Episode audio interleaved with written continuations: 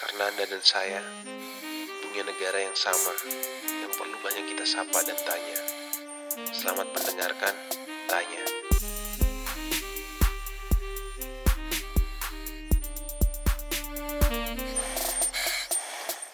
Oke, nah hari Nah. ini jadi kita masuk ke setelah sekian lama em, podcast tanya akhirnya keluar lagi nih episode barunya.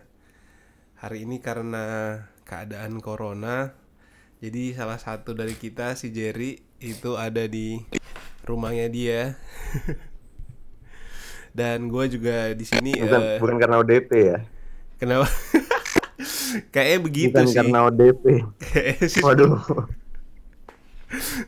Nah jadi hari ini gue bersama Catherine dan Jerry Gue dan Catherine di studio Wineside Eh, Jerry ada di rumahnya dia Karena dia di da- Lu daerah mana Jer? Rumahnya Jer?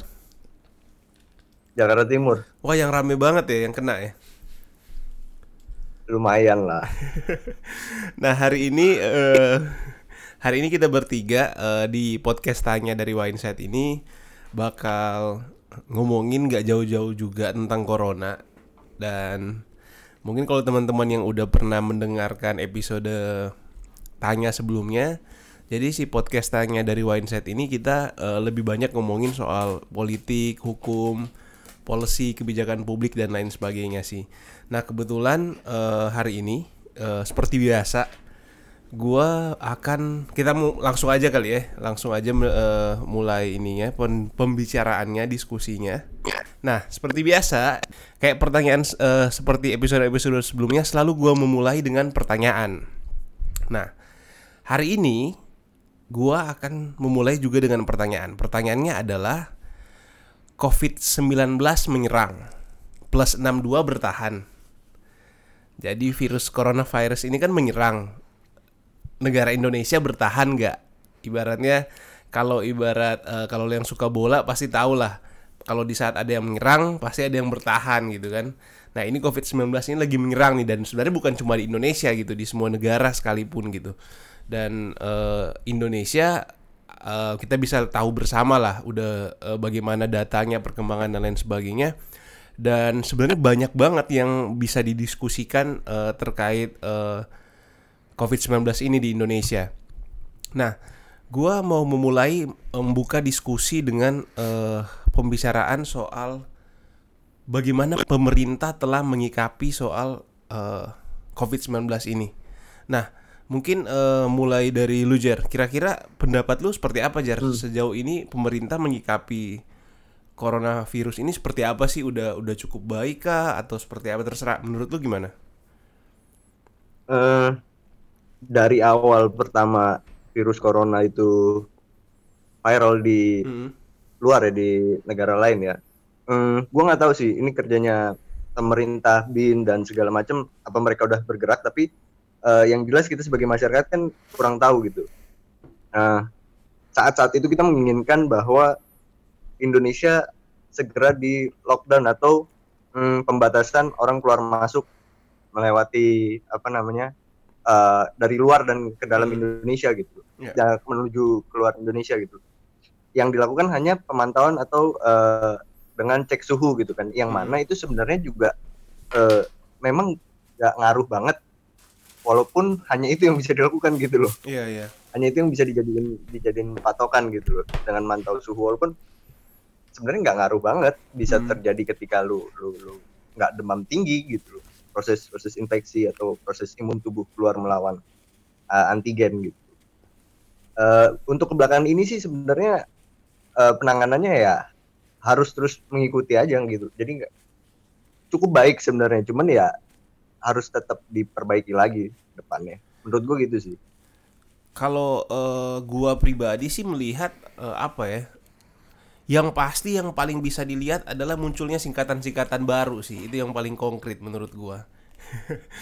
Eh, Bagaimana sikap pemerintah terhadap si eh, coronavirus ini? Gua lupa banyak banget setahu gua kan. Ada Eh, sampai sekarang gua nggak hafal loh. Sampai sekarang gua nggak tahu itu ADP, ODP, PDP, PSBB. terus ada PP apa gitu ya terakhir yang eh, apa yang pokoknya banyak setahu gua dan menurut kalau gua pribadi sih ya yang pasti yang terlihat jelas itu gitu munculnya istilah-istilah baru dan lain sebagainya. Nah, menurut lu Kat, lu ada pribadi ada tanggapan nggak sih Em, mengenai sikap pemerintah terhadap eh, coronavirus ini?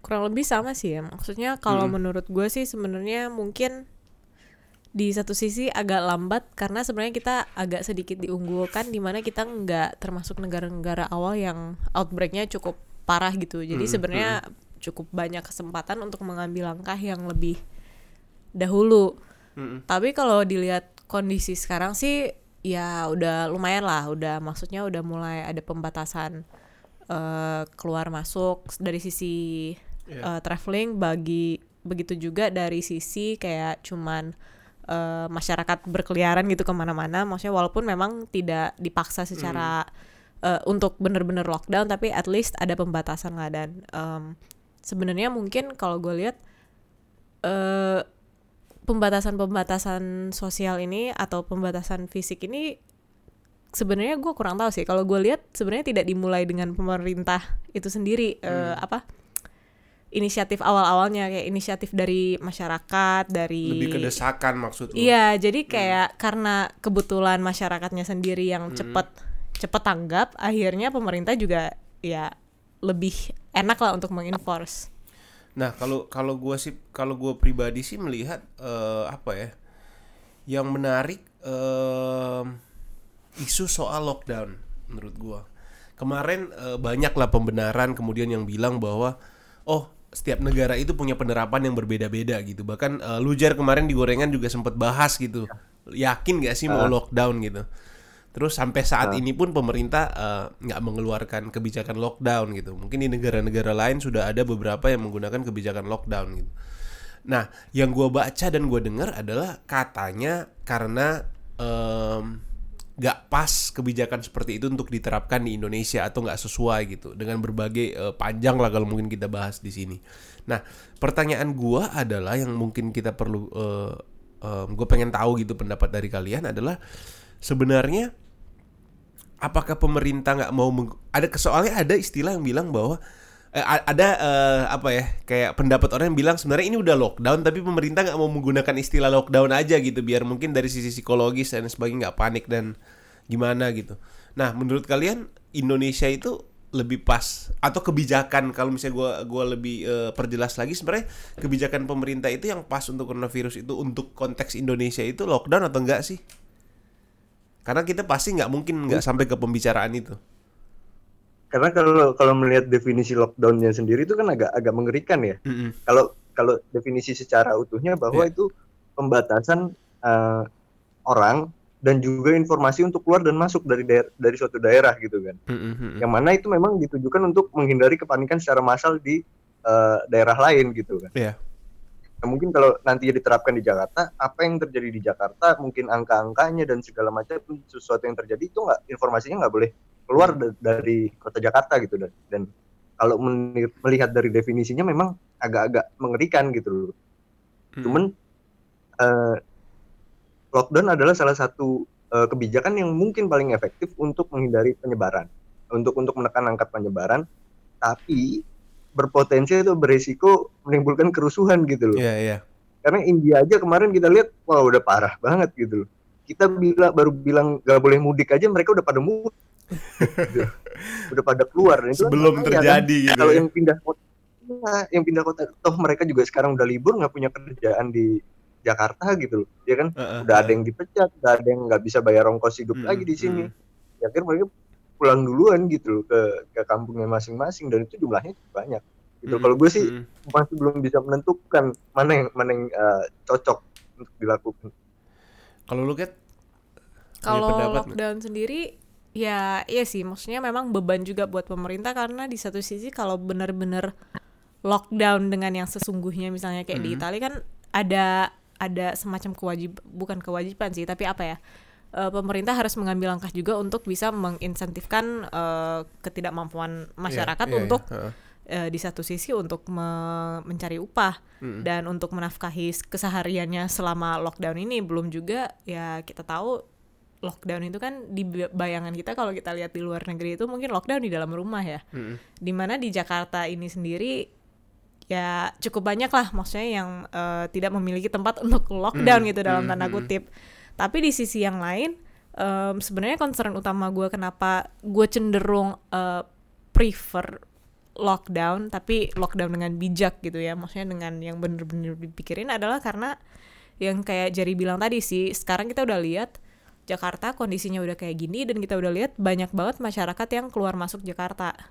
Keluar masuk Jakarta ke daerah di mana kita nggak tahu ya apakah orang-orang itu membawa virus ini ke daerah-daerah tapi yang pasti di daerah itu yang pertama sistem eh, healthcare-nya apa eh, infrastruktur kesehatan. kesehatannya itu mencukupi atau enggak gitu? I- udah pasti nggak mencukupi gitu. Untuk sementara maksudnya untuk kesehariannya aja yang tanpa pandemik gini udah sangat Belum tidak tentu- mampu belum gitu. tentu, iya. apalagi dengan ditambahkan eh, pandemik kayak gini yang masuk ke daerah mereka Jakarta aja sekarang kewalahan bisa dibilang kan. Maksudnya eh, kita nggak siap gitu dalam dari sisi infrastruktur kesehatan kita. Apalagi kalau ini sampai menyebar ke kampung-kampung gitu. Bisa dibayangkan lah maksudnya eh, dampaknya itu gue lebih concernnya ke situ sih. Maksudnya kalau kita nggak membatasi at least nggak usah mungkin lockdown yang bener-bener lockdown kayak Italia gitu agak berat tapi at least keluar masuk Jakartanya itu menurut gua untuk sementara memang harus diperketat sih. Demi ya kebaikan negara apa wilayah-wilayah lain. Oke, nah yang yang sebenarnya menjadi pertanyaan orang kemudian em, lalu strategi pemerintah apa sih sebenarnya? Kalau gue jujur pribadi eh, melihat ini adalah sebenarnya strategi pemerintah apa untuk untuk untuk corona ini? Apakah kita wait and see atau eh, mencoba eh, membatasi secara terukur atau seperti apa gitu? Karena jujur kalau gue pribadi melihat hmm, karena ini kan pilihan menurut gua. Yang berbahaya kan ketika lu menentukan pilihan yang pada akhirnya sama tapi udah terlambat gitu. Kecuali lu menentukan pilihan yang memang dari awal lu percaya dengan keadaan eh, bahasa yang digunakan adalah lockdown terbatas gitu dengan yang terukur gitu jadi nggak bener-bener total gitu apakah outputnya itu bisa karena kemarin gue sempat lihat artikel gitu eh, video gue lupa dari mana gitu yang media yang post dia sempat buat simulasi tuh beberapa simulasi bahwa oh dengan terukur jumlah yang akan eh, bertambah signifikan itu di tahun peaknya itu di bulan ini gitu. Atau misalnya dengan wait wait and see atau dibiarin aja gitu itu nanti jumlahnya itu akan puncak di bulan Agustus misalkan. Tapi ketika lu lockdown dari sekarang itu itu akan akan akan selesai di bulan April misalkan. Bahkan kalau gue lihat di kayak di Wuhan itu kan udah udah selesai malah ini ya kan? Bahkan udah dibuka lagi setahu gue ya. Katanya sih ada kasus-kasus lagi. Oh iya setelah dibuka lagi ya? Katanya. Oh gitu itu gue nggak tahu sih nah. Nah seben- sebenarnya konteks gue adalah eh, kalau menurut kalian nih kalaupun pemerintah nggak mau memberikan istilah terhadap kebijakan yang dia ambil dan kita ternyata mau diberikan kesempatan gitu membentuk atau mensimpulkan menurut lu apa sih kebijakan yang sedang diambil oleh pemerintahan Jokowi saat ini terhadap coronavirus? gue belum sejujurnya nggak melihat. Gue nggak tahu Ya, ya menurut gue apakah ini- kayak nggak ada gitu. Maksudnya gue bingung sebenarnya strategi kita apa gitu. Karena kalau dilihat eh, sangat apa ya nggak ada kesatuan gitu dari sisi pemerintah daerah maupun nasional. Malah berantem gitu saling saling ada saling sinergisi, nyalah nyalahin eh. gitu jadi gue sendiri juga sebenarnya sekarang kurang tahu sih mungkin kalian yang lebih keep up sama berita gitu sebenarnya apa sih strategi Nah, pemerintah itu saat ini bahkan, maksudnya apa eh, langkah yang iya, dipanggil iya, gitu eh. Dan apa bahkan yang gue lihat justru em, kayak contoh misalkan contoh jelas yang sering dibanding-bandingkan adalah Anies dengan Jokowi gitu di pemerintahan DKI. Sering dibilang bahwa oh Anies udah kayak lebih cepat gitu pengen A B C D tapi selalu tertahan dengan kebijakan pemerintah pusat dan lain sebagainya. Nah, sebenarnya gue di dalam konteks ini nggak mau berpihak oh kebijakan yang Anies lebih bagus atau kebijakannya eh, Jokowi lebih bagus dan lain sebagainya. Tapi sebenarnya menurut gue yang perlu kita simpulkan dengan jelas apa sih kebijakannya gitu? Jangan sampai kebijakan yang diambil adalah ya sekedar wait and see aja gitu. Kalau misalnya ada orang sakit ya yang udah sesuai SOP ya misalnya buat eh, rumah sakit kemudian diberikan pengobatan diberikan eh, eh, membuat rapid test dan lain sebagainya menurut gue itu kan sifat yang eh, bukan preventif gitu loh. Sifat yang eh, kebijakan yang bersifat reaktif gitu terhadap sesuatu kejadian yang udah terjadi reaksi gua apa gitu. Tapi harus menurut gua pribadi ya gua nggak tahu kalau misalnya lu punya pendapat berbeda Jar atau teman-teman yang mendengarkan podcast ini punya pendapat berbeda menurut gua adalah harus ada bener reaktif itu pasti dong nggak mungkin orang yang udah sakit lu biarin gitu. Itu pasti itu dan wajib memang. Tapi pertanyaan gua adalah seharusnya kan dalam uh, policy making itu harus dua atau tiga langkah uh, ke depan gitu untuk untuk lu menyikapi permasalahan tersebut. Nah gua nggak tahu apakah mungkin gua belum mengkonsumsi informasi sebesar itu mungkin bisa jadi udah ada gitu uh, kebijakan tersebut tapi nggak dinarasikan lebih bagus nggak diinformasikan lebih bagus. Tapi kalau gua pribadi sih melihat belum ada sih kebijakan seperti itu. Lu lu Jar menurut lu gimana Jar udah ada nggak sih kebijakan yang Ini sifatnya preventif gitu? Dari dari pemerintah? Dalam hal corona dari Iya, hal coronavirus atau iya coronavirus. atau sampai oh. Ya menurut gue juga yang kayak PSBB gini kan nggak nggak nggak ada bedanya gue nggak ngerasa beda banget gitu dengan dua minggu tiga minggu yang lalu gitu loh Heeh, heeh. kita udah kita udah menjaga diri kita sendiri kita udah membatasi diri Hmm. kita sendiri hanya ini PSBB ini baru ditetapin hari Jumat tanggal berapa ini sekarang tanggal 10 ya Iya. Mm-mm. ini hanya legalisasi aja maksudnya eh, oke Atas pemerintah inisiatif. mengizinkan PSBB Heeh, heeh. dan dan cuma membuat Hmm. itu menjadi formal aja iya, gitu padahal inisiatifnya sebenarnya Dan- datang dan- dari masyarakat mungkin. Hmm. Iya, dan kemarin pun Anies pun sudah sudah sudah apa namanya ya memang dia bergerak cepat gitu. Cuma kan ini juga panggung buat dia lah gitu. Cuman menurut gua yang masyarakat butuhkan selain itu adalah eh, bersatunya pemerintah dalam arti satu suara Hmm. gitu loh. Kayak dengan PSBB gini kan nggak menurut gua nggak ada efek nggak nggak membuat gua untuk lebih takut nggak ada membuat gua untuk lebih mau menjaga diri di rumah juga gitu loh. Maksudnya itu keputusan gua gitu. Hmm. Nggak nggak ada pencerahan lah ibaratnya dari Iya. pemerintah bahwa pemerintah ingin eh, ingin masyarakatnya melakukan sesuatu atau apa gitu segala macam itu yang gua rasa di di Jakarta sih Dan apa eh, mungkin pembicaraan policy seperti ini itu kan kita udah sempat mention soal kebijakan eh, politiknya misalnya atau kebijakan yang sifatnya em, jelas gitu pengkontrolan em, rekayasa rekayasa sosial gitu keadaan sosial dan lain sebagainya. Yang menarik juga eh, berbicara dengan eh, kebijakan publik ini atau kebijakan pemerintah terhadap em, suatu isu itu terutama corona dalam hal ini adalah kebijakan ekonomi menurut gua. Em, gue sih sempat baca ada sempat eh, diberikan apa ya kayak Kartu. iya kartu prakerja gitu-gitu Iya, ya iya. BLT dan lain sebagainya gitu. Em, kemudian gua tadi sempat baca juga misalkan dari Kementerian Pendidikan memberikan dana bantuan BOS ya istilahnya bantuan eh, ke sekolah katanya bantuan ke sekolah itu iya operasional sekolah itu bisa dialokasikan atau ditransfer menjadi kuota gitu buat mahasiswa buat siswa atau mahasiswanya. Nah, menurut lu hal-hal seperti ini penting nggak sih dalam hal kebijakan ekonomi atau sebenarnya ada hal yang lebih substansial untuk untuk em, karena kan persoalannya adalah demand masyarakat ini mulai menurun nih. Pertama satu berefek dari kantor-kantor mereka tutup. Ketika kantor-kantor mereka tutup, otomatis kan mungkin bisa jadi ada yang di PHK, kemudian ada mungkin yang menerima gaji nggak penuh. Intinya pasti berefek lah ke mana-mana. Ketika dia menerima gaji nggak penuh, otomatis dia akan berhemat. Belum lagi karena keadaan memang dia nggak boleh keluar ke mana-mana dan nggak bisa membeli sesuatu gitu. Ketika dia nggak bisa membeli sesuatu kan menjadi efek domino kepada penjual. Nah, menurut lo kebijakan-kebijakan ekonomi pemerintah saat ini udah tepat nggak sih? Menurut Em, kalian gitu? gue sendiri sih gue kurang tahu ya apakah eh, dana-dana bantuan itu dikasih kepada orang-orang eh, maksudnya syarat-syarat untuk menerima itu seperti apa. Tapi memang mungkin em, secara konseptual ada baiknya. Karena memang ya kayak lu bilang tadi kita tahu nggak sedikit yang udah di PHK yang eh, kalaupun nggak di PHK eh, gajinya dipotong eh, macam-macam lah. Jadi kondisi ekonomi juga semakin sulit gitu bagi secara secara eh, keluarga ya. Maksudnya bukan secara nasional tapi di dalam eh, rumah masing-masing pun udah kesulitan. Dan ini kan kita tahu sendiri lah pasti em, namanya orang nggak bisa bertahan hidup. Apa sih yang akan terjadi? Pasti banyak hal lah yang bisa kita bayangkan yang tentunya kita nggak inginkan gitu. Karena itu akan memperburuk suasana. Jadi mungkin secara konseptual eh, bagi gua ada baiknya sih. Cuman gue belum tahu detail tentang misalnya persyaratannya seperti apa cara distribusinya gimana. Em, jadi kalau gue sendiri sih belum bisa komentar banyak soal itu sih. Kalau lu Jar ada tanggapan nggak soal kebijakan ekonomi yang udah ada itu? setuju setuju.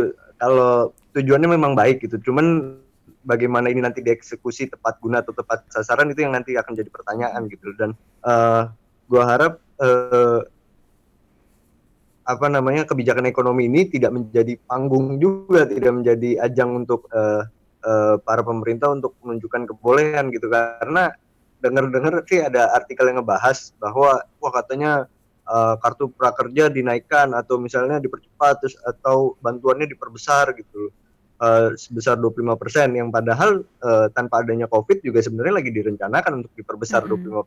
25% di bulan ini gitu. Akan dilangsungkan di bulan-bulan ini gitu. Mm -hmm. Cuman kan yang menjadi heboh bahwa karena Covid-19 ini uh, tunjangannya atau bantuannya akan diperbesar sekian persen gitu loh. Yang padahal hmm. sebenarnya udah direncanakan dari jauh-jauh hari hmm. bahwa memang akan diperbesar tanpa ada COVID-19 ini dan uh, untuk bantuan juga uh, yang dibantu tuh bukan sebenarnya bukan perusahaannya mm-hmm. uh, karena ada beberapa yang komplain kenapa Gojek dan Grab didahulukan katanya lu lu baca berita itu nggak sih yang katanya Gojek sama Grab uh, pemerintah minta data-datanya Gojek sama Grab gitu karena dia punya ini dan segala macam lah punya data lengkap tentang uh, drivernya atau segala macam uh. beserta beserta alamatnya gitu loh. Yeah. Cuman ada juga yang mengkritik katanya bahwa itu adalah ingin menyelamatkan Gojek dan Grab gitu loh. pemikirannya ya. Dan uh, uh, akhirnya ke bawah-bawahnya ya uh, bahwa perusahaan-perusahaan besar sebenarnya nggak pantas ditolong, justru orang-orangnya, pekerja-pekerjanya yang terdampaknya bahkan UMKM-nya yang juga harus ditolong seperti itu. Uh, yang yang itu sih yang yang, yang pada saran. Yang menurut gua juga yang menarik ini sih uh, apa? Kalau gua pribadi berpikir dan berpendapat bahwa ketika pola distribusi apa uang gitu atau pemberian uh, lu insentif lah ibaratnya memberikan kayak suntikan dana dan lain sebagainya itu lu berikan ke orang per orang itu pasti uh, akan membantu gitu dalam dalam hal apa hmm, makro gitu mungkin. Tapi gue pribadi berpikir gini sih lu uang negara itu mau seberapa banyak sih menurut gue ya untuk lu bisa alokasikan ke hal-hal seperti itu gitu.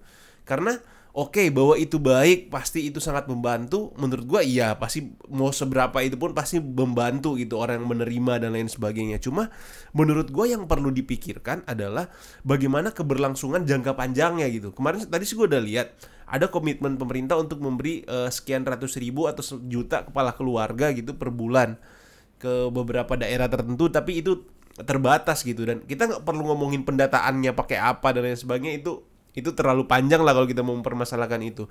Nah, gue lebih tertarik sebenarnya ke strategi strategi kebijakan ekonominya itu sih. Kira-kira itu substantif nggak? Lo ibaratkan gini gitu. Lo kalau mau ngasih per uh, ibaratkan gini. Uh, mungkin analoginya sederhana gini. Lo mungkin ngasih uh, eh, 5 juta ke orang gitu untuk dia abisin untuk keperluan konsumsi udah pasti habis gitu tapi lu kasih 5 juta gitu untuk lu modalin dia laptop untuk dia kerja atau untuk dia melakukan sesuatu mungkin 5 juta lu itu bisa berlaku panjang gitu. Dia bisa menghasilkan sesuatu dari situ.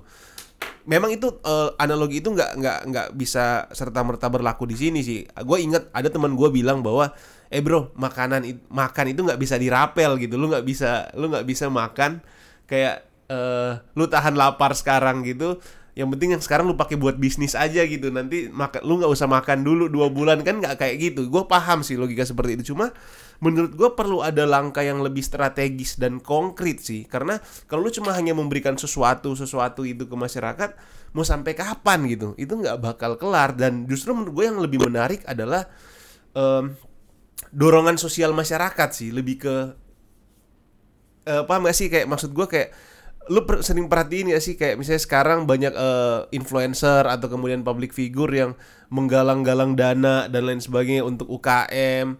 Menurut gua hal-hal seperti itu lebih substansial sih yang campaign-campaign seperti itu. Karena lu menarik ini menjadi isu bersama gitu bukan hanya menjadi isu negara.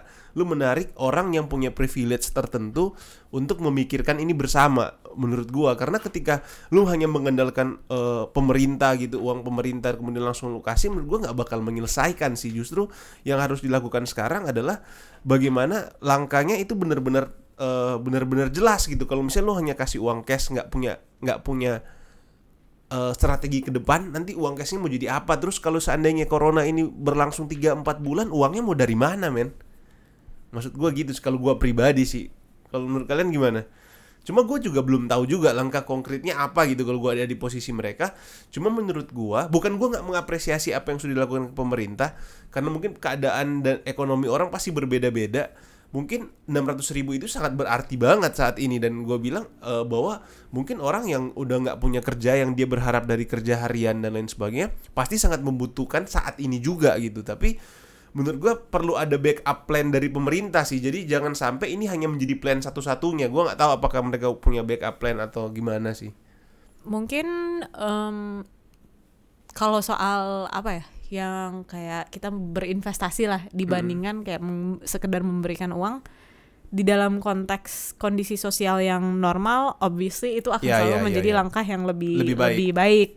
Eh, tapi di dalam suasana seperti ini mungkin memang pemerintah Nggak pas. iya memang tidak pas dan saat ini ya memang mau nggak mau kita harus eh, make sure dia bisa bertahan hidup dulu pasti gitu makanya gue bilang tadi eh, nggak Iya. mungkin ada makanan lu Bisa makan bisa dirapel dirapel gitu. gitu nggak nggak nggak tapi eh. eh, di satu sisi memang makanya yang balik lagi mungkin tadi gue sama Jerry juga sama-sama ngomongkan maksudnya eh, secara konseptual itu memang dibutuhkan tapi cara distribusinya apakah dia semata-mata eh, kasih uangnya atau misalnya apakah lebih baik kita kasihnya misalnya sembakonya atau gimana Eh, hal-hal seperti itu kan yang perlu dianalisa lebih dalam. Dan untuk saat ini sih gue sejujurnya kurang tahu gitu eh, apa persisnya seperti apa program ini. Yang gue tahu adalah secara konseptual ya mungkin yang ingin di, dilakukan adalah untuk eh, memenuhi kebutuhan saat ini aja sebatas itu. Tapi balik lagi yang kayak lu bilang eh, soal apa inisiatif-inisiatif masyarakat eh, menurut gue memang saat ini ya sejujurnya di dalam selama pandemik ini berlangsung gue lebih eh, melihat dampak terbesar itu memang dari inisiatif masyarakat. Siapa pun itu maksudnya masyarakat dalam hal ini berarti siapa pun di luar pemerintah gitu. Karena kayak yang Jerry bilang tadi kan sebenarnya di Jakarta itu udah sebenarnya udah dua minggu ini udah melakukan uh, physical distancing lah terus tiba-tiba di di, ter- di apa diformalkan dengan dengan peraturan ini yang sebenarnya tidak berimpact apa-apa karena pada dasarnya masyarakat sudah mengambil inisiatif ini terlebih dahulu. katanya sih karena dengan adanya peraturan ini ada sanksi gitu bukan hanya himbauan Iya. Tapi ya itu mungkin eh, untungnya mungkin gua nggak tahu ya. Memang dalam kondisi-kondisi seperti ini gua rasa eh, ada kata yang ada kata-kata yang pernah bilang kayak tidak ada orang yang baik yang benar-benar baik banget dan tidak ada orang yang jahat yang benar-benar jahat banget gitu. Dan obviously kita tahu lah maksudnya eh, ada kepentingan juga untuk bisnis-bisnis ini ataupun korporasi atau masyarakat siapa pun itu untuk harus membantu masyarakatnya sendiri. Karena ya pada akhirnya kita saling bergantungan kan.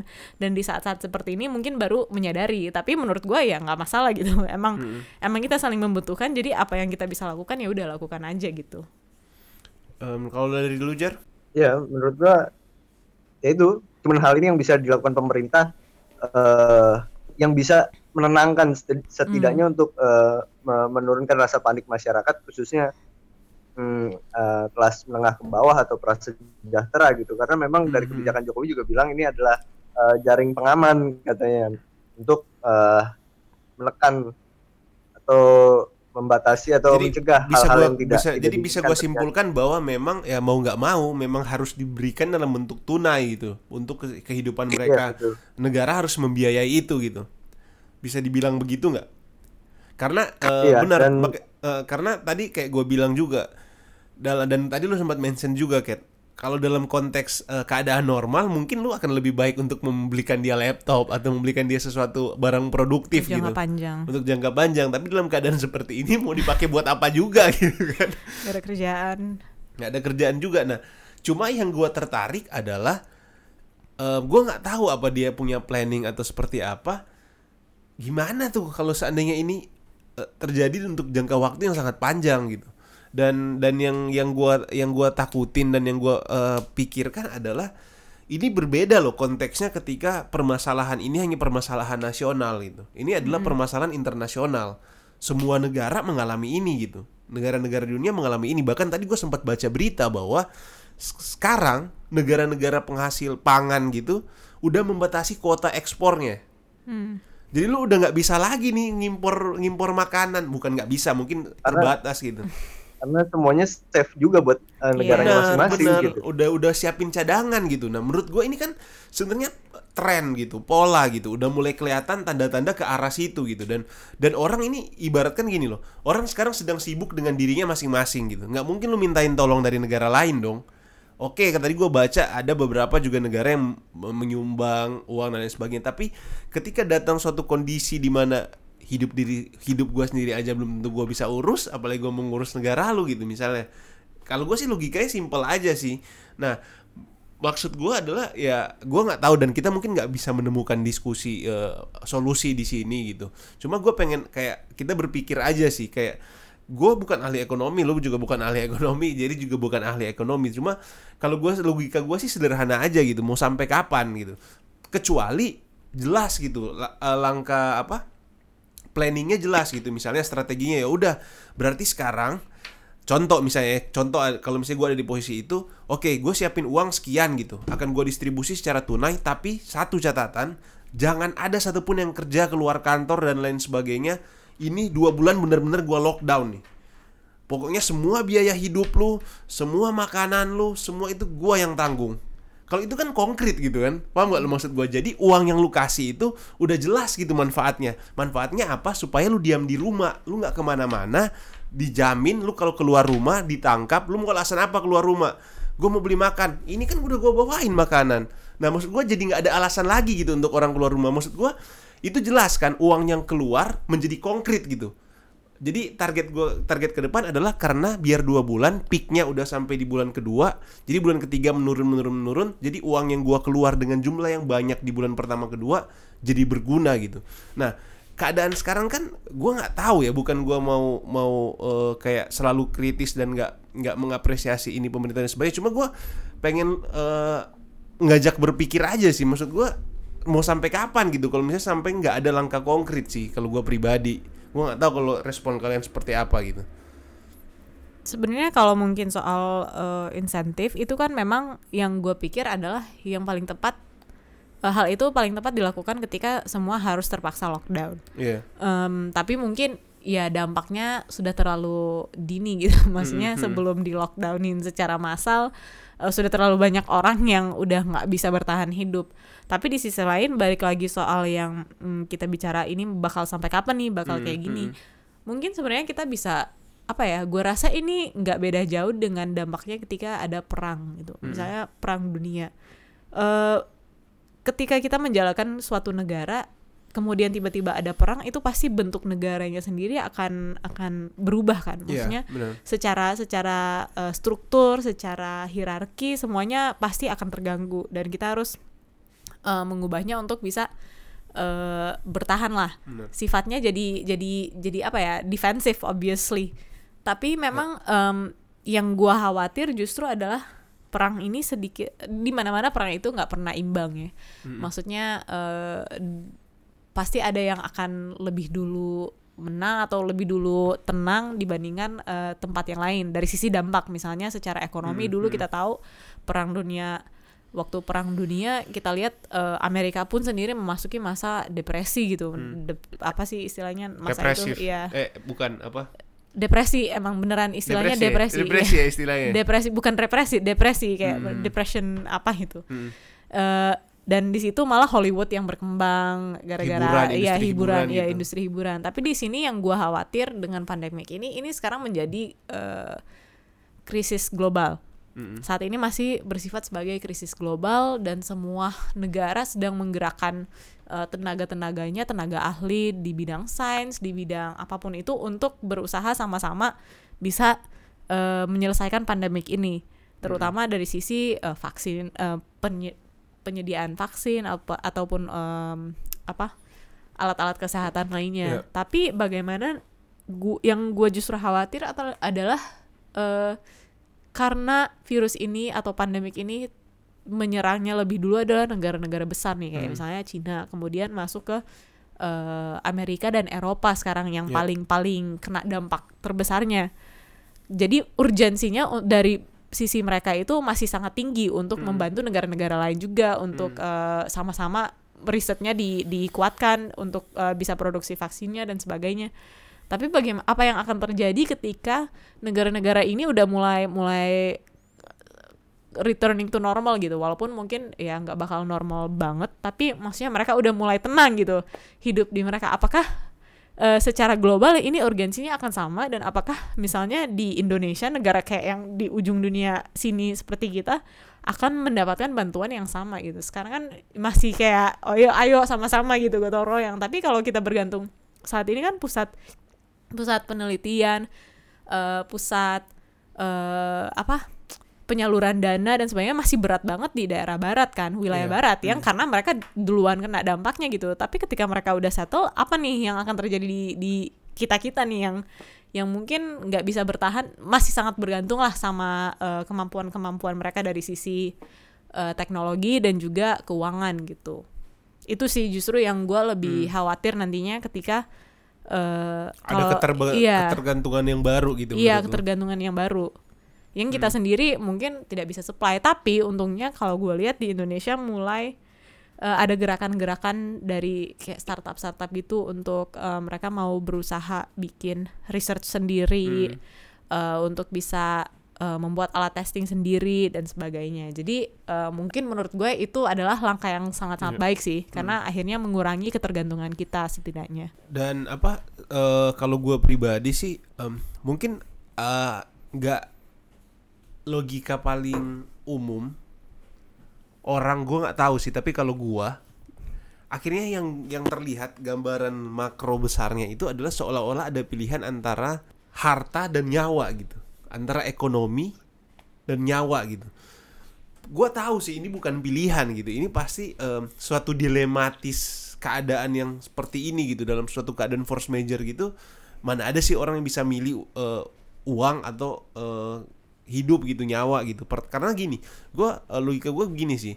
Oke em, gue harus mementingkan perekonomian gitu. Nggak apa-apa lah kesehatan dan lain sebagainya. Tapi kalau misalnya lu tetap mementingkan perekonomian ujung-ujungnya semua orang kena pada akhirnya kan ekonomi hancur juga kan.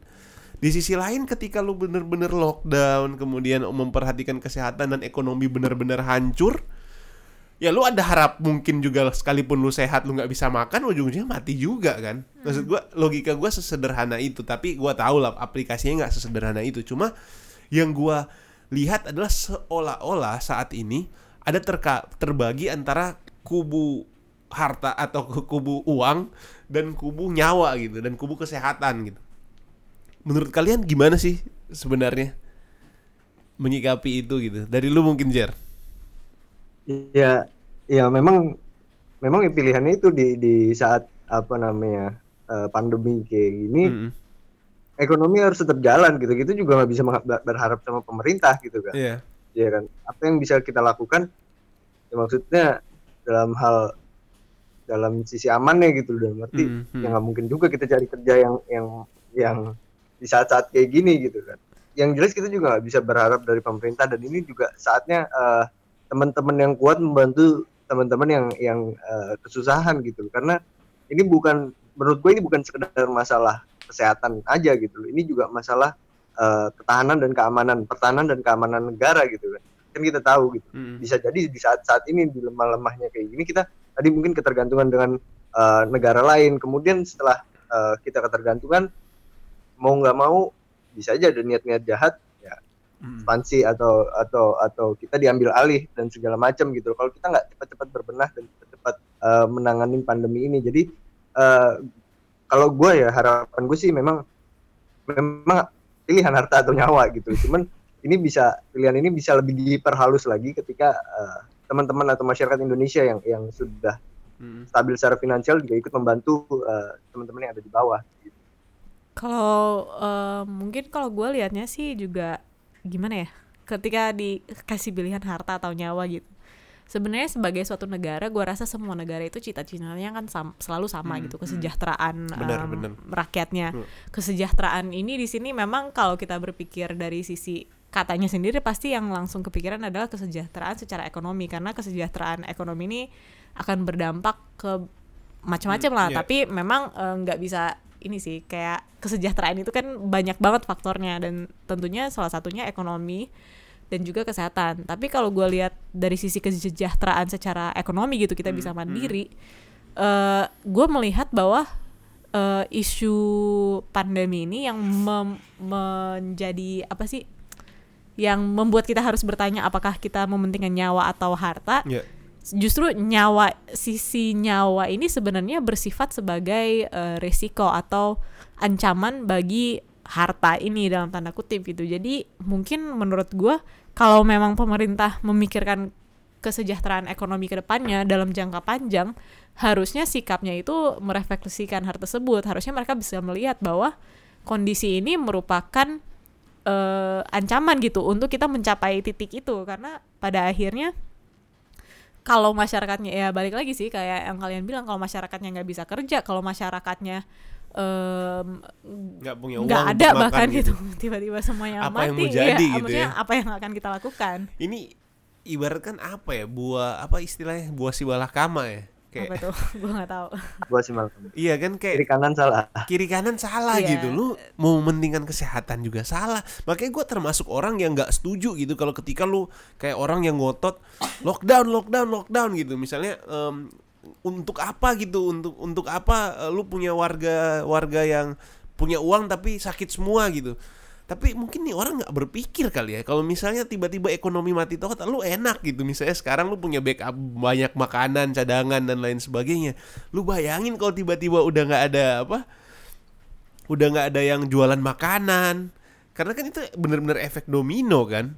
Memang dari sisi sebenarnya ekonomi itu kan selalu not even ekonomi maksudnya in general kita selalu apa ya harus milih gitu. Maksudnya nggak pernah ada pilihan yang lebih tepat. Nggak pernah Hmm. bisa kita menang semua gitu. Itu hampir nggak mungkin lah di dalam kehidupan. Tapi eh, terutama dari sisi mungkin kayak misalnya kalau dalam dunia bisnis kan lu it's all about eh, risk mana yang lu mau Ya. ambil. Mm-mm. risk mana yang lu bi- mampu untuk ambil risk mana yang lu nggak mampu gitu untuk ambil. Jadi ya balik lagi sih eh, kondisi masing-masing negara kan pasti beda-beda.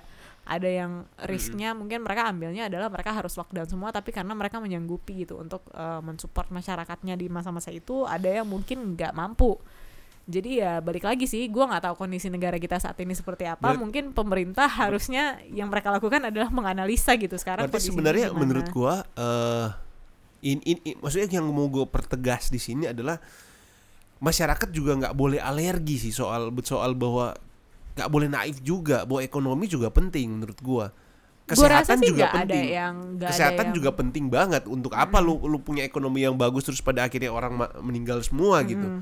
Begitupun sebaliknya, lu sehat semua tapi lu nggak ada makanan untuk dimakan lagi atau eh, atau gimana gitu. gue rasa sih masyarakat pada umumnya pasti setuju dengan hal itu cuman sekarang kan Hmm. yang mereka mempertanyakan eh, termasuk gua dan gue yakin kalian Yeah. juga maksudnya apa nih strateginya gitu maksudnya Yes, semuanya yes. kan balik Itu lagi ke kita strategi bahas apa di yang kita poin-poin mau awal tadi iya ya. maksudnya kita udah sama-sama tahu nih resikonya apa eh, tapi strateginya seperti apa untuk menghadapi ini mana yang akan menghasilkan eh, negative impact yang lebih sedikit gitu Mana yang lebih mending lah. Iya paling mending gitu Dua semuanya pasti punya resiko tapi mana yang paling mending gitu. Mm-mm. Oke. Nah, em gua eh, mungkin bahas oh kita udah 45 menit nih. Ini panjang sih ternyata pembahasan soal eh, banyak banget ini di catatan gue sebenarnya banyak banget nih pertanyaan yang belum belum belum gua tanya nih di poin-poin yang tadi tapi menurut gua nanti bisa jadi panjang banget sih. Mungkin kita bisa bahas di episode nanti sih kali kalau misalnya ada yang eh, belum kita sempat bahas yang menarik. Karena gua sebenarnya pengen bahas contoh misalnya kayak em, solusi untuk pekerja harian gitu-gitu. Yang yang lebih kebijakan ekonomi banget sih. Cuma mungkin em, kita terbatas waktu. Em, gua sekarang masuk ke poin em, sebenarnya ini adalah boleh dibilang side effect gitu side effect daripada eh, COVID-19 ini. Kita tadi udah bahas dari sisi makro gitu kan. Kayak pemerintahannya kebijakan politiknya kebijakan rekayasa sosialnya kebijakan perekonomian dan lain sebagainya. Itu pun masih meninggalkan tanya gitu. Itu pun masih meninggalkan nggak ada solusi nggak ada jawaban gitu. Nah sekarang gue masuk kepada em, sekarang orang eh di mana-mana itu pasti udah kenal gitu istilah WFH work from home dan lain sebagainya. Cuma em gue kemarin sempat baca dan di Wineset juga sempat dibahas tuh eh, postingannya soal work from home eh, pada ujungnya bisa menimbulkan kekerasan dalam rumah tangga gitu. Kejadian-kejadian meningkatkan potensi kekerasan dalam rumah tangga. Nah, menurut lu seberapa signifikan sih sebenarnya pemerintah perlu juga memperhatikan hal-hal ini? Karena bagi gua mungkin bukan di Indonesia nggak ada, nggak didata aja sih sebenarnya. Karena kan gue lihat di negara-negara lain itu kayak jumlah orang yang menelpon gitu untuk melaporkan kekerasan itu jadi tinggi banget. Dan dan memang sih ini cuma side if eh, tapi nggak bisa juga dibilang sampingan. Menurut gue ini juga isu sih. Karena bagi gue lu yang nggak mengalami atau kita yang nggak mengalami itu melihat ini aduh ngapain sih ngurusin itu? Kita masih ngurusin ini masih ngurusin nyawa loh hidup hidupnya orang gitu. Ngapain kita ngomongin kayak kekerasan gitu-gitu doang. Tapi menurut gua ini suatu nightmare banget untuk orang-orang yang yang yang apa yang mengalami itu tiap hari gitu dengan keadaan itu. Eh, menurut kalian seperti apa? Mungkin dari Lujer Ya, eh, ini ini salah satu saat kita introspeksi diri ya bahwa Iya. eh, dalam keluarga dan segala macam justru kita saat semuanya bertemu justru jadi lebih kacau gitu loh. Ketika ada ya kan ketika ada dalam satu rumah di Cina pun eh, angka perceraian katanya meningkat. Ini gua nggak tahu ya Eh, apakah benar-benar sumbernya gara-gara eh, kemarin dirumahkan dan segala macam gitu. Tapi yang jelas ada beberapa side effect yang jelek yang muncul akibat eh, orang yang sekarang semuanya udah pada di rumah ngumpul lengkap semua. Sama Hmm. kalau hal kita lihat eh, apa namanya anak sekolah sekarang belajar di rumah tapi malamnya nongkrong gitu loh. Mm-mm. Nggak ada nggak ada alasan orang tuanya untuk bilang kayak eh lu pulang besok sekolah gitu enggak karena mereka udah ngerasa sekolah eh, online kan dan Hmm, dan hmm. harusnya orang tua harusnya bisa lebih tegas bahwa mengatakan bahwa mau lu sekolah online eh, di rumah terus sekolah ini ya tetap harus tidak boleh keluar malam atau segala macam Hmm. gitu loh. apalagi di saat-saat eh, wabah virus ini gitu Iya. kan itu menandakan bahwa eh, orang tua juga orang tua juga nggak mampu kalau nggak ada kata-kata sekolah gitu ngerti ya Mhm. kalau di hari-hari biasa anaknya sekolah dia kan tenang. Dia pergi belajar di sekolah. Tapi kalau sekarang sekolah diliburkan dia yang kelabakan sendiri atau kewalahan sendiri untuk mengatur anaknya kan? Berarti kan ini ada salah satu masalah eh, lain di orang tua gitu loh. Hmm. ya kan? Sama halnya dengan eh, eh, apa kekerasan dalam rumah tangga gitu. Ini saat-saat kita untuk introspeksi diri eh, pemerintah juga harus eh, ikut membantu dalam artian eh, peka terhadap hal-hal seperti ini karena ini yang yang akan juga mensukseskan eh, karena karena gue PSBB atau pembatasan sosial ke depannya nanti. karena gue curiga sih itu pasti nggak eh, berkaitan erat dengan tingkat stresnya orang kali ya mungkin di rumah atau gimana gitu pasti Iya, berpengaruh iya nggak sih. sih pasti juga Hmm. mungkin eh, banyak yang menekankan masalah ini soal kekerasan dalam rumah tangga itu adalah memang hal-hal seperti ini dari dulu sudah ada tapi Hmm. biasanya ada kanal-kanal untuk eh, orang-orang seperti ini atau victim-victimnya itu untuk kabur gitu. Misalnya ketika mereka harus pergi bekerja atau kabur dalam tanda kutip Iya, untuk menghindar untuk gitu. menghindar gitu Hmm. sesaat. Tapi sekarang kan kayak dipaksakan untuk tinggal di eh, rumah. tinggal di rumah. Tapi memang eh, ini akan terdengar sangat apa ya kayak kesannya jahat gitu. Cuman Hmm. maksudnya gue membayangkan pemerintah itu misalnya Presiden Jokowi apakah dia akan memikirkan atau memperhatikan hal ini gue rasa sangat naif kalau kita bilang iya tapi balik lagi eh, pemerintah kita ini punya banyak banyak apa kita ada Skala strukturnya prioritas gitu. gitu. bukan skala em, secara struktural kita ada kementerian-kementerian yang masing-masing itu bisa mengurusin itu juga ya Iya, masing-masing itu punya fokusnya masing-masing dan di dalam eh, kondisi atau krisis seperti ini masing-masing kementerian itu harusnya memperhatikan eh, bidang-bidangnya masing-masing. Dampaknya terhadap bagian-bagian mereka ini seperti apa? Misalnya Hmm. kalau soal ke KDRT, peningkatan KR, KDRT ini eh Komnas gua rasa perlindungan ya anak atau perlindungan perempuan iya gitu, gitu. ya. Maksudnya mereka harus bisa melihat bahwa dalam kondisi seperti normal hal ini memang terjadi. Tapi ketika adanya eh, krisis ini, dampaknya akan seperti apa nih dan langkah-langkahnya yang gua harus ambil seperti apa nantinya. Jadi balik lagi ini isu yang seharusnya tidak dilihat sebagai isu sekedar isu pusat gitu, tapi emang dampaknya ke mana-mana dan Hmm, masing-masing hmm. bidang harus siap eh, untuk bisa menanggapi hal-hal yang terjadi seperti ini. harus sigap gitu ya Mm-mm. karena kalau gue lihat kan em, orang kan sekarang fokus ya pastilah karena utamanya kan si si virusnya ini si Iya. penyakitnya itu dan dan pada tapi kan itu juga tetap dan itu nggak sedikit loh tetap banyak juga itu kejadiannya gitu dibanding kalau misalnya kita pakai rasio lu mau sekian persen pun kalau dari ratusan juta eh, orang Indonesia jutaan Banyak orang gitu. Indonesia tetap aja banyak banget dan dan pasti lebih banyak dari jumlah orang yang meninggal di Indonesia gitu karena bukan gua bukan mau membanding-bandingkan Iya, ya iya. bukan mau membanding-bandingkan tapi yang mau gue garis bawahi di sini adalah gue menarik sih apa yang lu bilang tadi Kate bahwa ini jangan orang menjadi terutama kementerian ya terutama bidang-bidang atau eh, kementerian pemerintahannya presi eh, Pak Jokowi itu adalah jangan menjadi latah sih menurut gua Eh, oke lu mengerti eh, apa mengikapi coronavirus dan lain sebagainya membatasi ju- eh, pegawai jadi nggak datang ya standar lah misalnya lu sanitizer dan lain sebagainya tapi terutama di dalam hal-hal prinsipnya dia sih di bidangnya masing-masing gitu kayak misalnya yang tadi perlindungan anak Komnas HAM dan lain sebagainya sih Mereka harus bisa mengevaluasi lah kira-kira dampaknya efeknya sejauh aja. apa sih dalam bidangnya mereka Karena kan gitu ya sebenarnya tugasnya Jokowi itu hanya untuk bisa ya memimpin Mm-mm. gitu. Dia nggak Mm-mm. nggak pasti ada prioritas-prioritasnya sendiri tapi dia juga harus berperan dalam hal dia harus memastikan masing-masing bidang yang di bawah dia ini bekerja sesuai fungsinya gitu. Mhm. Gua eh, tertarik juga soal yang menjadi banyak saat ini adalah istilah eh, work from home, WFH. Terus yang kedua adalah eh, di rumah aja gitu. Gue tertarik soal eh, isu di rumah aja ini sebenarnya. Kalian setuju nggak sih bahwa di rumah aja ini mengandung unsur eh, keadaan tentu pasti eh, apa eh, dengan keadaan tertentu em, itu tentu suatu campaign yang baik gitu untuk lu menun- men- meningkatkan awareness kemudian orang untuk tahu gitu bahwa lu di rumah aja gitu. Cuma di sisi lain gue nggak tahu apakah kalian punya pemikiran yang sama tapi somehow gue berpikir bahwa terkadang ini punya unsur eh, apa ya eksklusivitas gitu sih menurut gua ya. Eksklusivitas dalam artian em, contoh gue sempat baca ada orang eh, sempat viral juga di luar sih bukan di Indonesia gitu.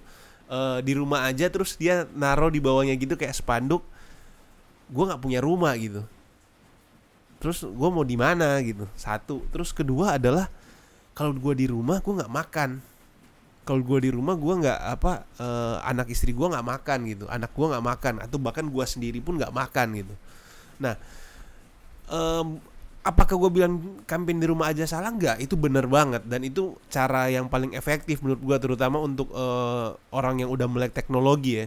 Cuma di sisi lain perlu ada nggak sih hal lagi yang lain yang perlu juga lagi-lagi sesuatu yang dianggap baik ternyata ada meninggalkan masalah juga sebenarnya yang perlu kita pertanyakan gitu menurut lu eh, gimana tuh soal isu itu Hmm, kalau menurut gua mungkin sebenarnya ya memang betul itu pasti kalau lu bisa work from home itu sebuah privilege tapi as with any privilege lu pasti punya tanggung jawab kayak Spider-Man lah gitu maksudnya with great respons apa with great power comes great responsibilities. uh. Nah, sekarang eh, apakah itu salah? Tentu saja tidak. Hmm. Bahwa lu punya privilege untuk bisa bekerja dari rumah. Sama sama sekali bukan merupakan privilege. Justru yang eh, menurut gua harus dipertanyakan adalah ketika lu punya privilege itu apakah lu responsible terhadap dalam privilege itu? menggunakannya? Karena sekarang ini kita tahu oke banyak begitu banyak orang yang nggak bisa gitu kerja dari rumah dan nggak bisa di rumah aja dan harus keluar dengan terpaksa. Ya. tapi ketika lu punya privilege ini dan lu tidak bertanggung jawab dalam hal eh, lu menahan diri Mm. dan membantu mengurangi resiko-resiko yang bisa terjadi dampak-dampak yang bisa terjadi penyebarannya Mm. ya menurut gue itu sangat-sangat apa ya kayak Iya. sangat tidak bisa di ditoleransi sih bagi gue karena lu udah punya privilege ini tapi lu tidak menggunakannya untuk membantu orang lain karena dengan lu eh, berkeliaran ke mana aja lu meningkatkan resiko untuk mereka juga gitu Mm. karena mereka juga eh, orang-orang yang terpaksa harus keluar itu Mm. nggak punya pilihan di mana lu punya pilihan dan lu bisa membantu mengurangi eh, resiko terhadap mereka dengan lu di rumah aja gitu Ya, sesimpel ya, ya, itu ya. kalau dari, dari lu Jer itu sama setuju makanya kalau tadi ditanya harta atau nyawa gue kalau jawab ada orang yang udah nggak punya pilihan lagi antara Iya. harta sama Iya. nyawa gitu loh iya kan Hmm. di gue takut gue kena ketularan tapi kalau misalkan gue nggak keluar gue nggak kerja gue juga nggak bisa hidup Heeh. gue lapar gue mati Mm-mm. ya kan Hmm. ada ada beberapa orang yang memang eh ya contohnya mungkin eh, ojek online deh itu kan apa namanya itu kerja mereka kerja fisik yang memang harus di luar gitu loh Mm. apalagi Iya iya iya. eh, benar banget. sekarang eh, dengan adanya WFA ini juga eh, ap- pendapatan mereka terbatas dan segala macam. Dan itu ya untuk orang-orang yang memang bisa kerja di rumah ya itu gue setuju. Eh, ini dipergunakan secara baik-baik Hmm. supaya kita mendukung program gitu loh. Dalam arti Hmm. eh, supaya pandemi ini cepat kelar gitu loh. Dan semua semua cepat kembali pulih lagi. Semua bisa cari kerja secara normal lagi. Tidak paling tidak dengan dia yang punya privilege itu nggak keluar dari rumah dia memper me- apa ya menurunkan ya. resiko Iya betul. menurunkan resiko orang yang harus keluar dari rumah tadi ya Iya, karena Itu ya sih? kita nggak bisa menuntut mereka untuk tetap di rumah. Mm, Itu mm. menurut gua sangat-sangat salah. Makanya Mm. memang eh ya kita nggak bisa menjudge kayak misalnya gue sempat lihat itu ada video yang sempat viral gitulah di TikTok Mm-mm. kayak bapak-bapak udah agak om-om gitu dia keliling-keliling di Tanah Abang terus kayak nanya-nanya. Memang eh, konteksnya di situ dia mempertanyakan apakah orang-orang ini mengerti atau tahu sadar tentang virus ini dan mereka ternyata tidak tahu gitu. Tapi di sisi yang lain em, banyak juga komentar yang mengkritisi kenapa ini orang-orang kok bodoh banget gitu masih bekerja masih apa segala macam padahal kan ya balik lagi gitu kita tahu mereka nggak ya ya. nggak nggak bisa gitu nggak kerja. Tapi eh, tanggung jawab kita adalah ya udah kalau lu mau membantu mereka setidak-tidaknya lu kalau bisa di rumah ya di rumah aja gitu. Nggak usah Jadi ke mana-mana menurut juga. lu berarti eh, sebagai eh, orang-orang karena gini yang benar yang tadi lu sempat mention bahwa kadang orang yang punya privilege ini yang bisa melakukan kerja di rumah kalau misalnya dia paham dan akhirnya yang bisa dilakukan adalah mendukung itu itu kan eh, menurut gua nggak masalah gitu. Menurut gue yang menjadi masalah adalah ketika dia menjudge orang lain sih. Iya betul. Dan apa eh menjudge orang lainnya juga bener-bener parah juga menurut gua yang kayak yang kayak apa? Apa ya? Mungkin eh sampai eh, di sosial media dan lain sebagainya. Cuma ya serba salah juga sih. Gue juga bingung sih menyikapi. Cuma menurut gue yang paling menarik adalah yang poin lu bilang tadi. Kalaupun lu nggak mau apa lu tahu gitu lu punya privilege itu ya setidak-tidaknya menjadi orang yang bertanggung jawab terhadap privilege tersebut sih karena kan menurut gua semua privilege itu privilege itu nggak pernah salah menurut Hmm, gua ya lu hmm. punya dapat Iya. privilege tertentu itu tidak pernah salah lu Eh, makanya gua sangat sebel gitu kalau orang kayak eh, apa ya balik lagi sih kayak misalnya political dynasty yang waktu itu kita sempat yang kita bahas di juga kan tentang ya. privilege Hmm, hmm. Maksudnya privilege itu tidak pernah sesuatu yang buruk ataupun salah, Ya. tapi bagaimana lu memanfaatkan atau bagaimana lu menindaklanjuti privilege itu yang eh, Hmm. bisa dinilai kan Hmm. Menarik sih. Nah em, gua mungkin masuk ke poin yang udah kedua terakhir nih yang mau gua bahas adalah kita tadi udah bahas soal kondisi makro kemudian kondisi eh, eh, mikronya side effect dan lain sebagainya gitu. Sekarang pertanyaan gua adalah kita udah melihat nih kenyataan gimana orang itu udah kehilangan pekerjaan gitu. Terus ada yang dipecat ada yang gajinya dikurangin ada yang eh, malah dirumahkan dulu untuk sementara bahasa halus dari dipecat lah itu. Dirumahkan dulu sementara tanpa eh, menerima gaji. Kemudian ada yang udah menghilang aja gitu orangnya. Atau mungkin yang eh, entrepreneur gitu jobnya hilang semua gitu. Terus em, kliennya hilang dan terutama yang di mungkin di industri kreatif yang mewajibkan orang untuk ngumpul-ngumpul gitu loh. Dia me- apa e, bisnisnya itu gitu untuk yang sesuatu yang sifatnya event dan lain sebagainya. Sekarang yang gua mm, pengen kita eh, pertanyakan gitu menurut lu ini eh, UMKM bisnis-bisnis udah mulai berjatuhan. Bahkan gue baca banyak artikel ketika 2-3 bulan ini terus berlangsung seperti ini dalam kondisi dua bulan itu hampir eh, 50% usaha UMKM itu pasti gulung tikar tuh. Puluhan persen pokoknya hampir setengah kalau gue nggak salah. Dan ketika itu masuk bulan ketiga dan bulan keempat itu hampir berapa puluh persen gitu udah naik terus gitu. Menurut kalian what next gitu? Apa yang bakal terjadi lagi nih ketika itu dibiarkan itu? Hal-hal itu kan udah terjadi tuh. Orang dipecat kemudian tadi gue dengar cerita lu ada orang yang udah diterima sebelumnya dari kerja kemudian tiba-tiba karena jadi corona terus orangnya jadi nggak lanjut kerja dan lain sebagainya. Nah menurut kalian apa sih yang belum terjadi tapi ketika hal ini terjadi eh, ketika ini di begini terus pasti akan terjadi gitu dan kita harus siap untuk itu? Darurat militer. Darurat Darurat militer. militer. Siap turun ya Jar. Ya, lu siap turun agak- ya agak gue udah beli kok itunya senjata. Pak pak dicatat nih Iya. siapa pun yang mendengar ini siapa tahu ini catat tuh namanya Jerry tuh. Dia udah Iya ngetok tuh. menurut gue itu. Ya kalau nggak diatasi dengan benar kalau kita eh, tidak membantu sesama juga itu yang pasti akan terjadi menurut gue Ah, chaos dan segala macam ekonomi udah kerasa anjlok banget parah Mm-mm. bahkan eh, dolar kemarin sempat hancur eh, rupiah kemarin sempat hancur hancurnya ya kan? Ya ini siap-siap nanti setelah ini selesai juga mulai dari nol lagi bisa dibilang gitu. Mulai dari awal lagi ya? Iya. Ya eh, kalau kata Tokopedia sih yang penting mulai aja dulu kan? Kalau gue pribadi sih yang yang apa yang selalu meninggalkan tanya di di kepala gue itu adalah em, yang tadi gue udah sempat mention juga adalah ini adalah masalah semua negara gitu. Oke eh, setiap negara sekarang berada di fase yang berbeda-beda gitu. Ada negara yang udah di fase eh, C misalkan kita masih di fase A. Kita ada negara yang udah di fase D kita masih di fase B misalkan dan lain sebagainya. Cuma kan yang yang perlu kita tahu juga adalah karakter dari virus itu kan. Menurut gua karena gue kadang berpikir gini sih virus ini kan behaviornya belum bisa ditebak kan? Iya nggak sih? Bisa dibilang gitu nggak? Kalian berdua kan nih anak biotek nih pasti mungkin lebih paham. Cuma gue pakai logika sederhana gue adalah virus ini kan sesuatu yang baru gitu. Behaviornya kita belum tahu.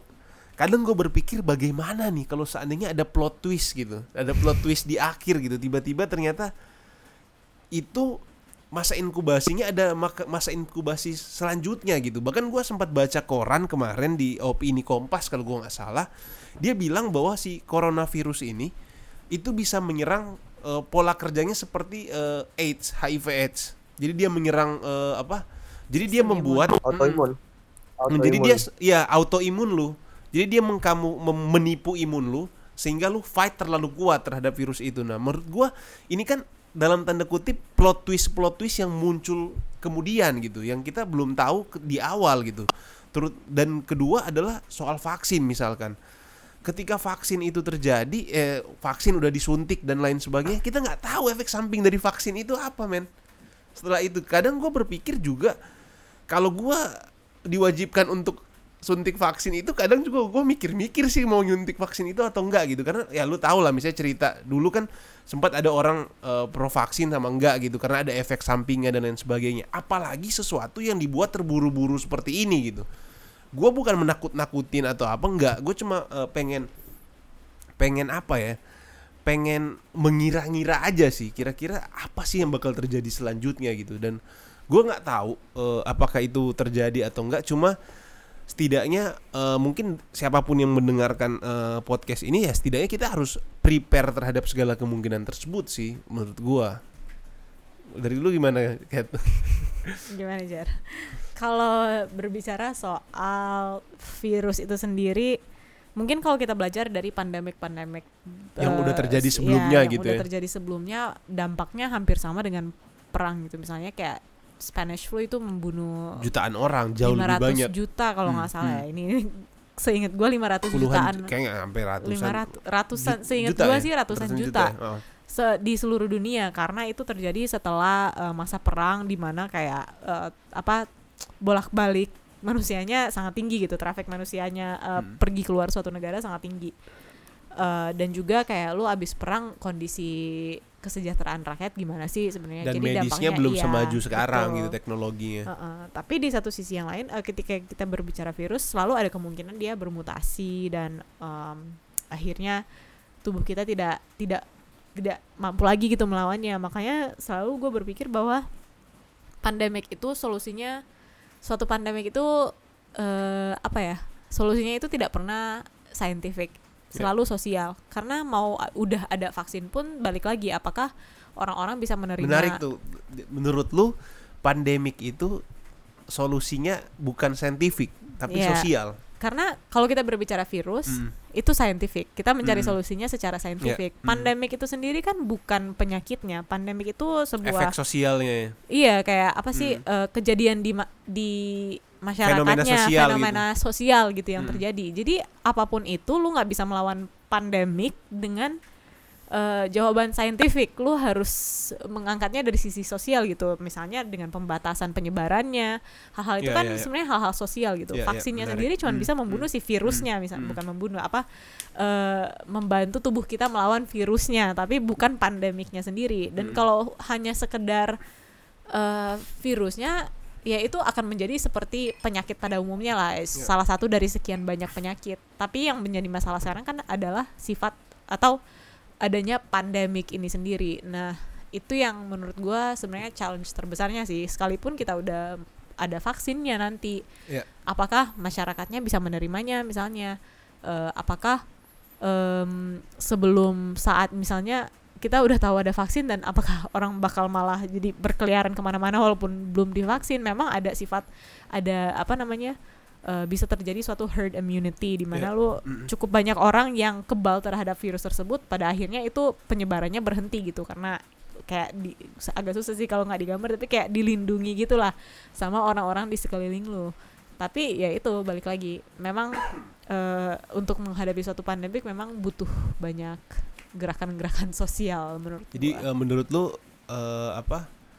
Kita tetap harus menyikapi dan mempersiapkan eh, hal-hal seperti itu.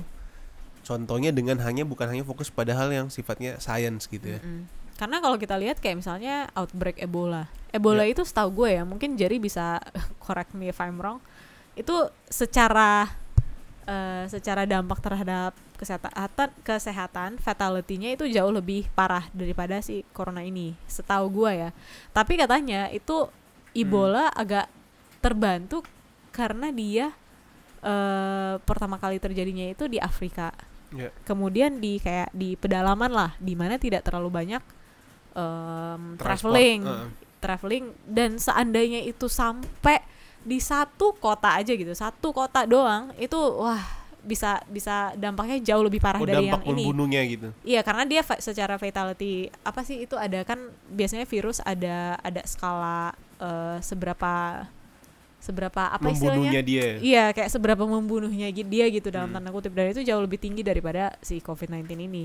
Tapi ya itu karena ada keterbatasan eh, sosial dalam tanda kutip di mana itu terjadi di suatu daerah dan tidak di di suatu kota gitu Hmm. yang di mana banyak traveling banyak Jadi pendatang. lu mau mau membuktikan bahwa sebenarnya eh di situlah em, rekayasa sosial itu penting gitu ya. Iya. Jadi bukan hanya sekedar eh, dari pendekatan Mm-mm. sains tapi pendekatan sosial gitu. Karena ya. secara saintifik kita hanya bisa menunggu. Mm-mm. Maksudnya masyarakat hanya bisa tunggu sampai itu tersedia buat kita gitu. Menarik menarik sih. Eh, poin yang tadi soal pendekatan sains dan pendekatan sosial sih. Eh, mungkin eh, gua nggak bisa perpanjang lagi diskusi kita gitu. Em, gua mau mengakhiri nih podcast eh, kita pada hari ini dan gue mungkin akan menutup dengan keadaan seperti ini sih. Gua melihat em, beberapa negara lain gitu kayak di Wuhan meskipun tadi lu bilang katanya ada jadi kejadian kasus baru Katanya. gitu.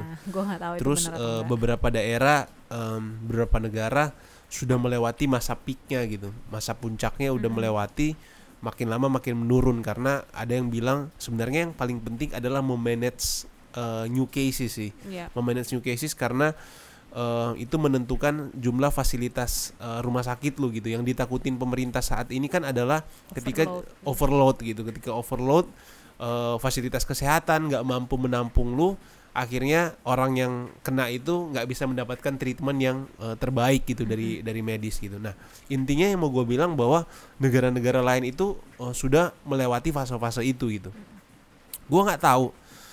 Terakhir gue cek eh, Indonesia udah 3000 kasus ya kalau gue nggak salah ya.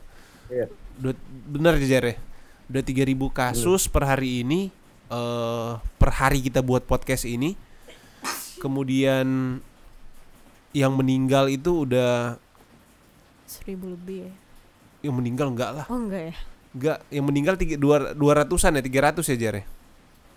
Ya gue nggak lihat yang meninggal, tapi yang yang terinfeksi 3.200 sekian.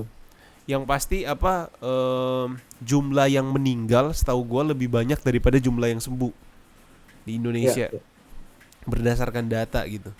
Nah, yang mau gua eh, tanyakan terakhir adalah seperti biasa, gue membuka per- eh, podcast ini dengan pertanyaan gitu, dengan pertanyaan apakah eh, plus 62 itu akan bertahan nggak? orang Indonesia akan bertahan dan dan dan gue akan menutup podcast ini juga dengan pertanyaan yang sama gitu. Lalu apakah Indonesia akan bertahan gitu? Menurut lu? Menurut kalian gimana gitu? Kebobolan 01 udah. Apa apa? Kebobolan 01 udah ini sekarang mah. Bukan Kebobolan. bertahan lagi udah kebobolan. Jadi harus balas dong, jangan bertahan aja gitu kan? Iya betul. Harus menyerang Serang juga balik. dong, harus serangan balik kan. Serang balik. Masalahnya jangan sampai injury time nih. Udah injury time nih. Nah, kalau penalti ya itu harta nyawa. Harta nyawa ya kalau Kalau udah penalti. penalti ya.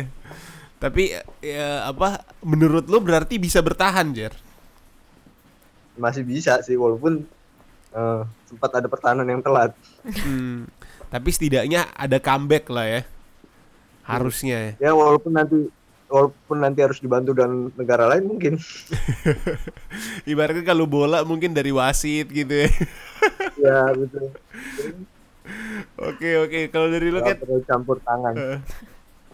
Bertahan sih pasti bertahan ya. Maksudnya tapi ya apakah kita akan keluar sama dengan seperti waktu sebelumnya, sebelumnya atau mungkin jadi lebih pastinya bagus tidak. lagi, Tapi tahu juga. menurut gua bukan berarti hal ini akan berakibat secara buruk in the long run gitu karena kita Hmm. jadi banyak belajar kan dan kita bisa lihat sebenarnya seberapa sanggupnya kita untuk saling eh, menurut gua hal paling positif yang gue lihat dampaknya dari ini adalah seberapa eh, banyak orang yang menyadari bahwa hidup kita itu sangat-sangat saling bergantungan gitu sama Hmm. orang lain jadi nggak ada alasan untuk Ya, lo ya. hidup untuk diri sendiri dan menurut gua perubahan-perubahan eh, hal-hal yang mengubah cara berpikir manusia melihat manusia lain itu pasti Ya. dalam hal positif itu pasti akan berdampak baik in the long run nantinya.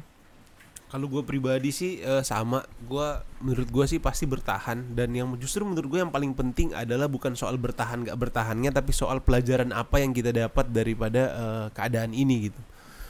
Em, bagi gue kead- keadaan ini eh, justru adalah semacam tamparan sih bagi gue sih, semacam tamparan ke eh, masyarakat, ke pemerintah, ke politisi gitu. Karena gini, mungkin gua nggak tahu ini subjektif gua atau enggak gitu tapi lu bisa menghitung dengan jari gitu seberapa banyak sih pemerintah atau politisi yang sangat peduli tentang eh, perkembangan teknologi biologi gitu yang yang sifatnya science gitu menurut gue itu sedikit banget Kalau dipeduliin gue sama Jerry mungkin kerja di biotek juga ya. menurut menurut gue ini tamparan sih setidaknya dari hal politik gue mencoba melihat dari angle politik gitu. Angle politiknya ini tamparan besar sih. Tamparan besar bahwa eh zaman sekarang itu udah bukan soal kepentingan lagi gitu loh. Udah bukan soal ideologi penting menurut gue ideologi cita-cita bangsa dan lain sebagainya itu penting. Tapi ibaratnya negara ini kan terus berubah gitu. Perkembangan terus berubah. Founding fathers kita itu berada di masa yang berbeda gitu apakah kita menghargai mereka? Jelas sangat menghargai gitu fondasi-fondasi yang udah dibangun dari negara ini. Tapi menurut gua yang nggak kalah penting adalah ketika anak muda seperti kita ataupun generasi yang sudah kita itu adalah melihat ini sebagai tamparan besar sih menurut gua. Menurut gua mudah-mudahan ya gua nggak tahu ke depan tapi harusnya ini membentuk wajah baru politik Indonesia sih harusnya ya Harapannya gitu. membentuk wajah baru kebijakan politik Indonesia, membentuk wajah baru kebijakan eh, pemerintahan Indonesia ke depan. Mudah-mudahan setelah ini makin banyak lagi gitu eh, politisi atau makin banyak lagi kebijakan pemerintah yang sangat pro terhadap eh, penelitian, terhadap pro terhadap eh, kebijakan teknologi dan lain sebagainya sih.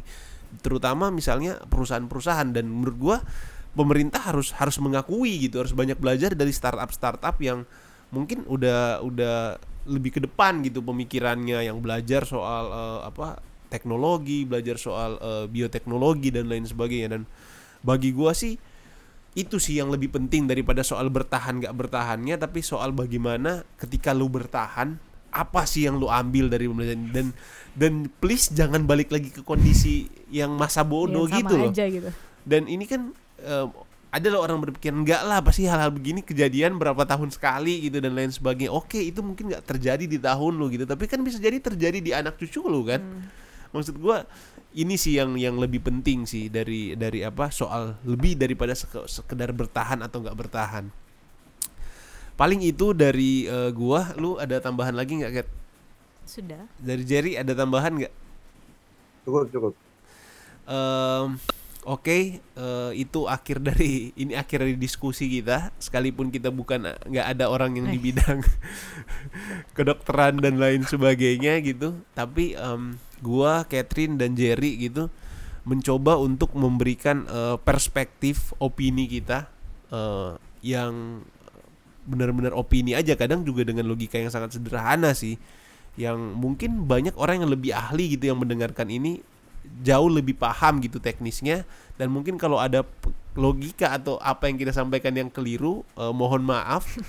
Tapi kalau seandainya menurut teman-teman apa yang kita eh, sampaikan di sini yang kita diskusikan sini membawa pengetahuan baru ya eh, boleh disebarkan boleh dikasih tahu gitu ke teman-teman. Karena menurut gua penting juga sih soal eh, soal apa diskusi-diskusi seperti itu. Dan kita nggak boleh apa nggak boleh anti sih terhadap hadap eh, apa pembicaraan-pembicaraan seperti itu. Dan beberapa isi eh, pembicaraan kita tadi mungkin ada beberapa juga misalnya yang mengkritisi kemudian yang nggak setuju dan lain sebagainya. Pada akhirnya eh, teman-teman yang menentukan siapa pun yang mendengar podcast ini menentukan apakah yang kita bilang ini benar apakah yang kita bilang ini atau enggak apa ada yang perlu diperbaiki itu terserah teman-teman yang mendengarkan. Dan paling di akhir podcast ini gue mau bilang bahwa kalau teman-teman menemukan eh, apa podcast ini bermanfaat berguna jangan eh, lupa untuk share ke saudara kalian ke teman-teman kalian apalagi yang sekarang lagi di rata-rata di rumah aja gitu nggak ngapa-ngapain gitu. Boleh dengerin podcast kita kasih di grup keluarga di mana pun silakan. Dan kalau misalkan mau follow Instagram kita eh, wineset itu eh, at wineset.id sih. Paling itu aja eh, sampai ketemu di episode selanjutnya. Tetap sehat tetap jaga kesehatan dan amin. tetap berdoa untuk untuk segera kita melalui masa-masa kelam ini